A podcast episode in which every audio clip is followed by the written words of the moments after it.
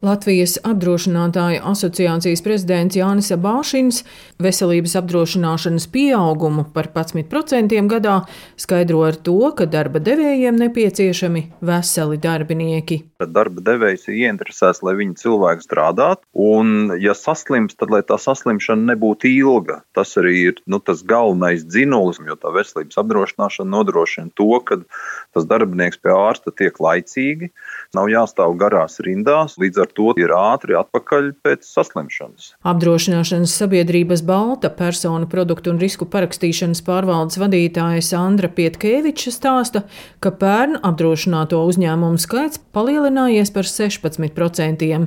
Veselības apdrošināšanas atlīdzībās pērn izmaksāts par 30% vairāk nekā gadu iepriekš - 26 miljoni eiro, un tas saistīts ar cenu pieaugumu medicīnā. Runājot par klientu paradumiem, dzīve ir atgriezusies ierastajās sliedēs. Atkal ierasti visaugstāk izmantotie ir ambulatorie veselības aprūpas pakalpojumi, zobārstniecības pakalpojumi, kurš starp citu ir vērojama viena no visaugstākajām inflācijām šobrīd, kā arī ambulatorās rehabilitācijas pakalpojumi. Cenu inflācijas pieaugums veselības aprūpas nozarē ir straujākais, kādu ir nācies novērot pēdējā desmitgadē.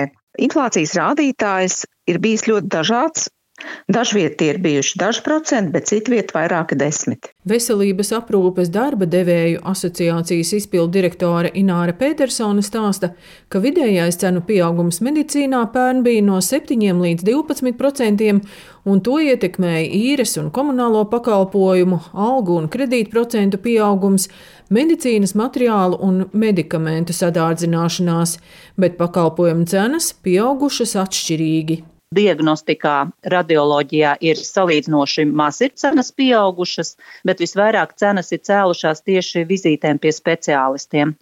Un kāpēc speciālistu pieejamība ļoti būtiski ietekmē algas?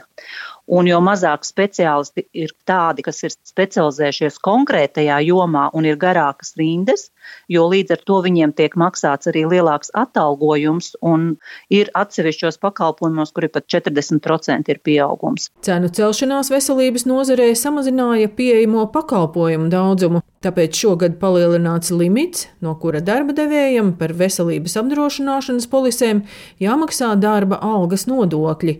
Turpina Jānis Abāši Mašīnas no Latvijas apdrošinātāju asociācijas. Limita izmaiņa no šiem 426 eiro uz 750 eiro. Skaidrs, ka tas ir nu, vairākām nozarēm ilgi gaidīts solis. Šis ir vēl viens iemesls, kādēļ veselības apdrošināšana visdrīzāk arī šajā un, un tuvākajos gados vēl aizvien turpinās pieaugt ar divciparu skaitli. Veselības aprūpes darba devēju asociācijas izpildirektore Ināra Petersona vērtē, ka problēmas veselības nozarē saglabāsies nepietiekamā finansējuma dēļ. Tiem, kuriem ir apdrošināšanas polise, viņi atvieglos tās rindas tiem, kuriem tās nav, bet tuvāko gadu laikā es neredzu pie šādas plānošanas kārtības un pie šādiem tarifiem, ka situācija var būtiski uzlaboties. Neraugoties, kad arī veselības aprūpē ir pietiekami liels budžets un arī šī gada budžetā tie plus 275 miljoni, kas ir iedoti papildus, lai pakalpojumu pieejamību valsts apmaksātajā sadaļā uzlabotu.